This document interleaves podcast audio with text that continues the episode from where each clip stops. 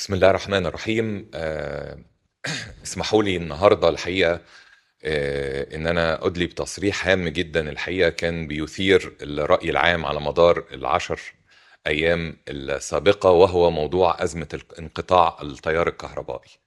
في آخر شهر يوليو اللي فات طلع رئيس الوزراء مصطفى مدبولي في مؤتمر صحفي واقف بثقته المعتادة ورا منصة خشب بيلقي فيها كلمة للمصريين. ما كانش حد غيره ظاهر على الشاشة بس بعد شوية الكاميرا ابتدت تبعد وهو بيقول إحنا ببساطة شديدة هناك تنسيق كامل ويومي ما بين وزارة الكهرباء والطاقة الجديدة والمتجددة ووزارة البترول والثروة المعدنية فيما يخص تشغيل محطات الكهرباء. مع الزوم أوت ظهر على يمين الشاشة ورا مدبولي وزير البترول طارق الملا وظهر على الشمال محمد شاكر وزير الكهرباء الملا إيديه متشبكة في بعض وشاكر إيديه جنبه والاتنين واقفين طول كلمة مدبولي اللي استمرت حوالي 25 دقيقة من غير ما يقولوا حاجة وشوشهم جامدة. فاكرين لما كنا في المدرسة واتنين من التلاميذ يتخانقوا مع بعض ويتاخدوا المدير أو مديرة المدرسة ويكون كل واحد في ناحية وهما بيبرروا لنفسهم عشان ما يتعاقبوش؟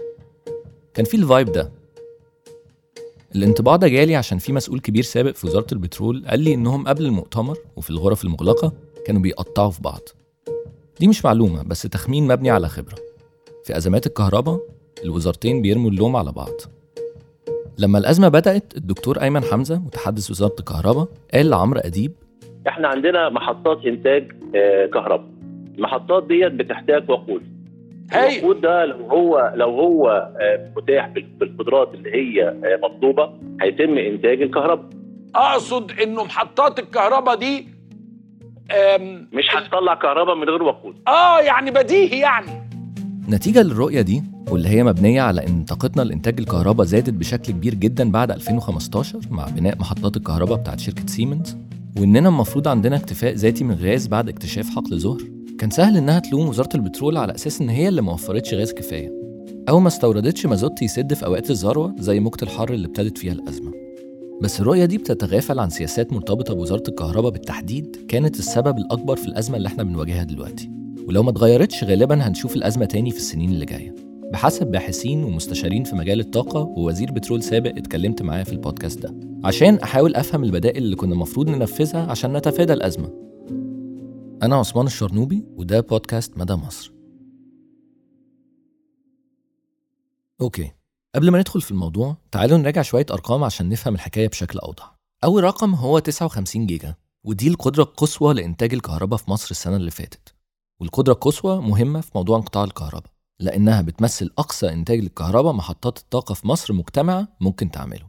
الرقم الثاني 32 جيجا وده رقم الحمل الأقصى السنة اللي فاتت يعني أعلى طلب على الطاقة السنة اللي فاتت وصل للرقم ده. فكروا في أكتر أيام حر لما التكييفات كلها بتكون مولعة. دي بتكون أيام ال peak load أو لما الحمل بيكون جايب آخره من الاستهلاك. الرقمين دول مع بعض بينوا إننا عندنا قدرات أكتر كتير من اللي إحنا محتاجين نولده.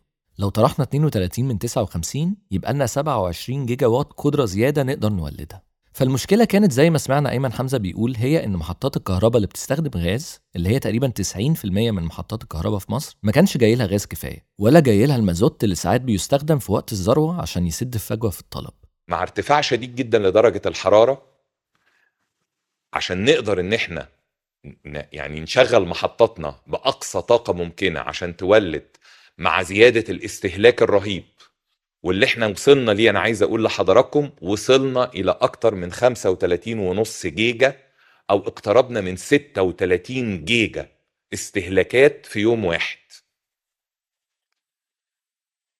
اللي حصل إن إحنا استخدمنا كل إمكانيات الدولة من غاز طبيعي. ومازوت اللي متاح موجود عندنا.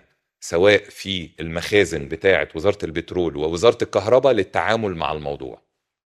مدبولي قال إن عشان الأزمة استمرت أكتر من 10 أيام إحنا ما كانش عندنا كميات كفاية من الوقود لتشغيل المحطات بكامل طاقتها. وعشان كده لجأنا لخطة تخفيف الأحمال. لكن في كلامه هو أشار لنقطة مهمة جدا.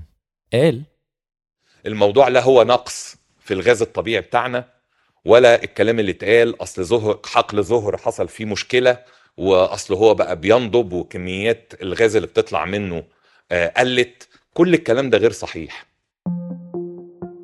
لو بصينا على إحصائيات إنتاج واستهلاك الغاز في مصر هنلاقي إن إحنا بقالنا كذا سنة إنتاجنا زايد بشكل ملفت. وده طبعا بعد دخول حقل ظهر مرحلة الإنتاج. تعالوا نبص على كام رقم كمان. 59 مليار.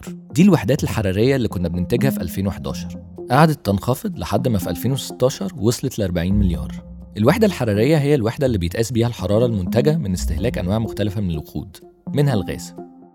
68 مليار. ودي الوحدات الحرارية اللي أنتجناها في 2021 بعد الزيادة التدريجية في إنتاجنا للغاز بدأت في 2017 لما بدأ الإنتاج في زهر. طبعا زي أي حقل غاز في الدنيا بعد ما يوصل إنتاجه لأقصاه واللي تعدى في زهر تقريبا 3 مليار قدم مكعب من الغاز يوميا في 2020 شوية شوية بيبتدي الإنتاج ينخفض. الفكرة بس إن رغم إن ده بيحصل معدلات استخراج الغاز من زهر كانت أحسن من الطبيعي حتى وكميات الغاز اللي بتستخرج لسه كويسة. تعالوا نسمع وزير البترول والثروة المعدنية الأسبق أسامة كمال وهو بيشرح لصحفية مدى بيسان كساب الحتة دي. فمفترض إن أنا بالبلاتو ب 2.8 من عشرة دوت مع انخفاض تدريجي طبيعي 10% في السنة بعد خمس سنين أوصل لكام؟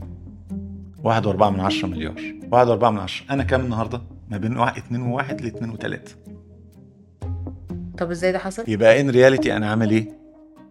لا ده أنا ماشي بمعدلات أحسن من الطبيعي أحسن من الطبيعي بيسان عملت حوار طويل مع الوزير السابق وفهمنا منه إن الزيادة بتحصل كل صيف مع الحر والحكومة بتكون عارفة إنها جاية.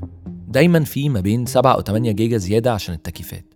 وبيكون في احتياج أكبر كمان للوقود اللي هو غاز بشكل أساسي عشان المولدات بتاعة المحطات كفاءتها بتقل لما الجو يكون حر. رئيس الوزراء قال إننا اتفاجئنا بالموجة الحارة القياسية. لكن ده مش بيفسر ليه خطة تخفيف الأحمال من المفترض إنها تكمل لشهر تسعة. وكمان بيتغاضى عن الحقيقة اللي هي أي حد شغال في مجال الطاقة عارفها واللي فيه كذا مصدر قال لنا عليها. وإحنا بنغطي أزمة الكهرباء. إن معروف إن بحلول 2024 هيبقى عندنا عجز طاقة. مع زيادة الطلب عليها وانخفاض إنتاجها. وطبعا مع أزمة النقد الأجنبي وأزمة الديون بقى أصعب علينا استيراد الوقود اللي محتاجينه لسد الفجوة. خصوصا مع تغييرات سياسية أدت إن دعم الطاقة من دول صديقة ما بقاش زي زمان. اتحولت ال- الناقلات من وسط من عرض البحر ادخل على مصر. ما دفعناش حاجة. وقعدنا ما ندفعش حاجة 20 شهر. ما الدولة ما كانش معاها فلوس تجيب تاني خلاص. ما كانش معاها فلوس تجيب ب 800 مليون دولار كل شهر. وقود عشان حاجات الناس وعشان المحطات محطات الكهرباء. فلولا وقوفهم جنبنا يا ترى بقى لو ما كانش وقفوا ده السؤال. زي ما كنا بنقول الموضوع مش مفاجئ. أيوة كان في موجة حر غير مسبوقة واستمرت أكتر من المتوقع وفي أزمة دولار لكن ما زال الوضع إن بقى عندنا عجز في الوقود ولسه مش باين إزاي هنتعامل معاه. نرجع بقى لموضوعنا الرئيسي. إيه اللي حصل أو ما حصلش من الحكومة في سياساتها الخاصة بتوفير الكهرباء اللي أدى إلى رجوع الأزمة؟ ولا كأننا في أواخر حكم حسني مبارك أو حكم محمد مرسي مرة تانية. يبقى اللي عملناه هنا كالتالي تخفيض سعر استهلاك الطاقة الكهربية ال- الكيلو وات ساعة 10 قروش للتطبيقات الصناعية على مختلف الجهود الفائق والعالي والمتوسط. يبقى إحنا ثبتنا السعر الخمس سنين وأيضا هندي للصناعة بقى حاجة إضافية ان هننزل الكيلو وات اور 10 قروش. 9 يونيو 2020 تاريخ مهم مرتبط بالأزمة اللي إحنا بنمر بيها دلوقتي. ده كان التاريخ اللي المهندس محمد شاكر وزير الكهرباء والطاقة المتجددة اللي سمعتوا صوته دلوقتي ثبت فيه سعر الكهرباء للقطاع الصناعي لمدة خمس سنين. متوسط سعر الكيلو وات ساعة بقى تقريبا جنيه بس. القرار ده وقتها كان ليه أثر كبير على حاجة مهمة جدا مرتبطة بأزمتنا الحالية سوق الطاقة المتجددة. في سنة 2015 الدولة اتبنت استراتيجية للطاقة المستدامة. الخطة كانت إن في 2022 يكون مزيج الطاقة في مصر فيه 20% طاقة متجددة. وكانت الحكومة بتسعى لده من خلال تحفيز شركات الطاقة المتجددة الخاصة إنها تشتغل ومهدت لها الدنيا بكذا إجراء عشان تسهل لها البيزنس بتاعها. لما أصدرت وزارة الكهرباء قرار تجميد السعر في 2020 عجزت شركات الطاقة المتجددة تماما. تخيلوا تكاليف الشركات دي هتزيد قد إيه في خمس سنين. خمس سنين اتخفضت فيهم قيمة الجنيه مرتين ويمكن أكتر إحنا لسه في 2023 فطبعا كان مستحيل إنها تنافس مع سعر الكهرباء بتاع الحكومة. باختصار يعني القرار دمر فرص كتيرة جدا لشركات الطاقة المتجددة إنها تدخل السوق وخرج شركات تانية منه وقتل طموحات شركات تالتة إنها تتوسع. مصدر اتكلمت معاه بتستشيره أكبر المؤسسات العالمية تمويلا لمشروعات الطاقة المتجددة في مصر فضل اننا ما نذكرش اسمه. قال لي إن القرار ده مش بس أدى لتعطيل سوق الطاقة المتجددة في مصر بس كمان قتل أي حافز لمصانع إنها تستثمر في مشاريع كفاءة الطاقة. قال لي نصا نتيجة ده أنت عندك النهارده صناعة ما عندهاش أي حافز إنها تقلل استهلاكها للطاقة. بقالها سنين عرفت إن الرقم هيثبت. فقالوا خلاص أنا هوفر طاقة ليه؟ لأنه مش مجدي اقتصاديا إني أستثمر في مشروع كفاءة طاقه على مستوى المنشأة بتاعتي. مفيش سبب إني أشتري تكنولوجيا بتوفر طاقة. الدراسات بتقول إن في فرصة لتوفير ما بين 10 و 20% من استهلاك المصانع للطاقة من خلال مشاريع زي دي اللي هي بتمثل تلت الاستهلاك في مصر بشكل عام. ليه ده حصل؟ وكانت إيه نتائجه؟ تعالوا نفتكر مع بعض محطة تانية في البنية التحتية بتاعة الكهرباء في مصر عشان نفهم أكتر. محطات سيمنز الثلاثة سيمنز عملاق الكهرباء الألماني عمل تجربة في مصر أشاد بيها العالم كله أضافت لشبكة بلادنا 45% من قدرتها اللي كانت موجودة واعتمدت على الغاز الطبيعي اللي عندنا منه احتياطيات ضخمة كبديل للسولر اللي بنستورده وده وفر كتير على خزانة الدولة المصرية.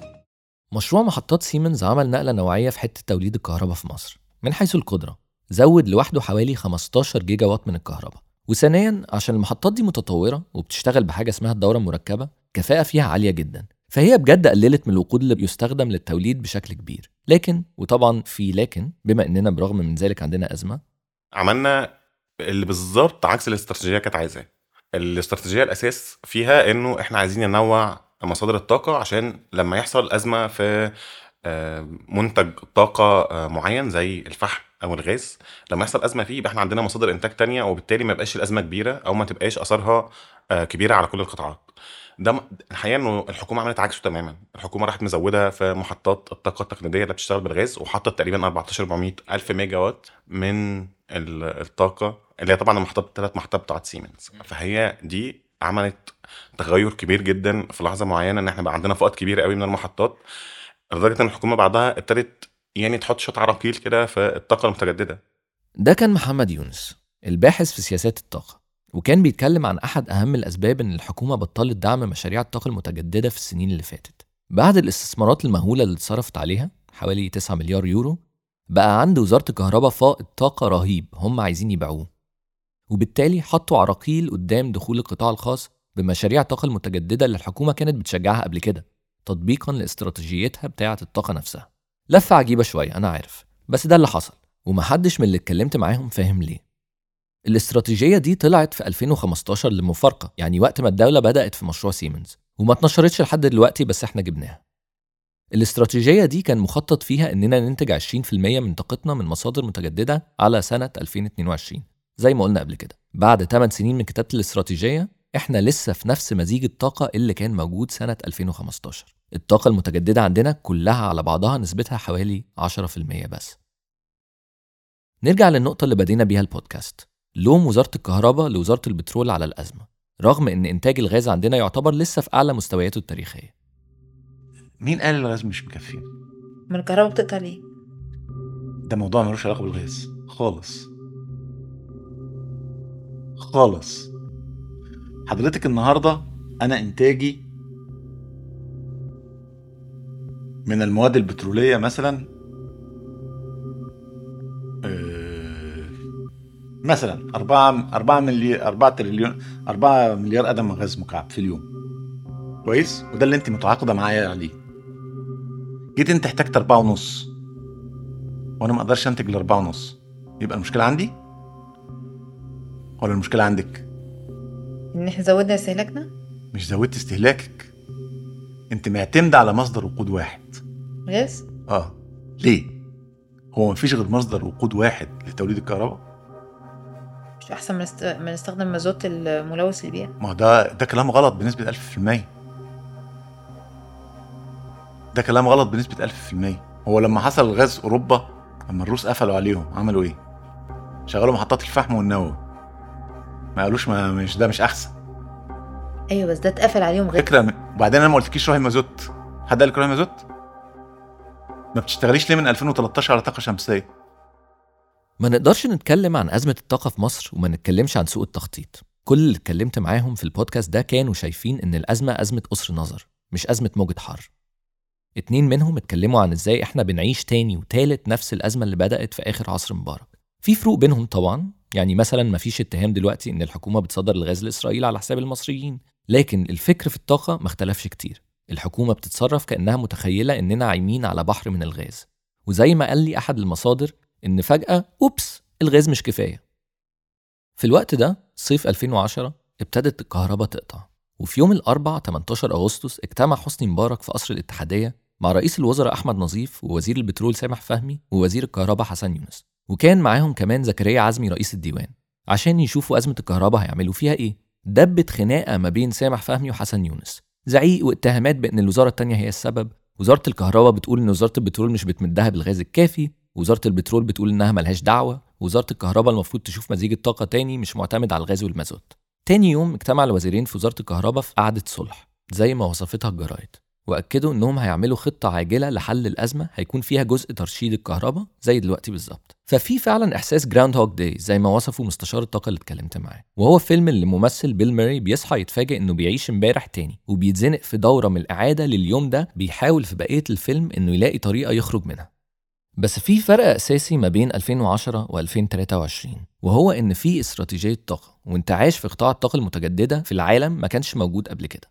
غير الاستراتيجية كان في كمان كذا قرار وقانون صدروا في 2014 و 2015 عشان ينشطوا قطاع الطاقة المتجددة ويغيروا سوق الطاقة عشان يزود حوافز الإنتاج.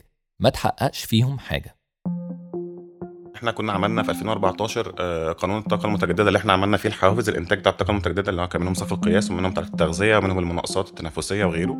وعملنا في 2015 اللي هو القانون اللي بيعمل تغيير جذري في قطاع الكهرباء إنه هيسمح هيبقى فيه شركات آه، قطاع خاص وكمان هيبقى فيه المفروض يعني آه، مشغل للسوق المشغل ده مستقل شركة نقل ال- الكهرباء.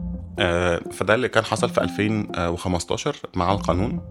لحد دلوقتي والمفروض كان مديهم 8 سنين عشان آه، ننتقل لسوق آه، حر في الكهرباء. ده ما حصلش لحد النهارده. إحنا دلوقتي تقريبا 2023 فتقريبا 8 سنين بالظبط ما حصلش أي حاجة. في استراتيجية الطاقة المستدامة اللي الحكومة كتبتها في 2015 في أربع أهداف. أول هدف من دول هو أمان الطاقة. Energy Security. وتحت الهدف ده أدرجت الحكومة أربع حاجات شملت طبعا تنويع مصادر الطاقة. وقتها في الاستراتيجية دي اللي اتكتبت في 2015 كانت خطة الحكومة العاجلة إن الطاقة الجديدة والمتجددة تزيد بقدر 4500 ميجا وات بحلول 2017 في 2021 الطاقة الجديدة والمتجددة كانت كلها على بعضها 3000 ميجا بس. النقطة إن كان في استراتيجية في 2015 كانت أبديت لاستراتيجية طاقة مستدامة اتحطت في 2008 بالمناسبة. فشلت فشل ذريع. وكان في خطة تنشيط طاقة متجددة قتلتها الحكومة عشان بنت قدرات طاقة غازية أكتر من اللي إحنا محتاجينه دلوقتي بكتير. وكان التخطيط والإجراءات دي كفيلة بحل الأزمة اللي بنمر بيها دلوقتي. وتخفيف أي أزمات في الوقود ممكن نمر بيها في المستقبل. اللي المفروض على فكرة نوصل فيه لمزيج من الطاقة 42% منه طاقة متجددة بحلول 2035 بس ما شكلناش هنحقق الأمان ده لو السياسات الحالية استمرت. وصلنا لآخر حلقة النهاردة. تابعونا على كل منصات البودكاست واعملوا review وسيبوا comment ات. الحاجات دي فعلا مهمة عشان الناس تلاقي البودكاست. وعشان نعرف رأيكم إيه. لو عايزين تتابعوا الأخبار اليومية أرشح لكم نشرة النشرة اللي هتلاقوها على صفحات ال social media بتاعتنا. اكتبوا مدى مصر على فيسبوك أو انستجرام أو تويتر sorry إكس وهتلاقونا على طول. مبسوطين باستماعكم ونشوفكم قريب في حلقة تانية. مرة كمان أنا عثمان الشرنوبي وده بودكاست مدى مصر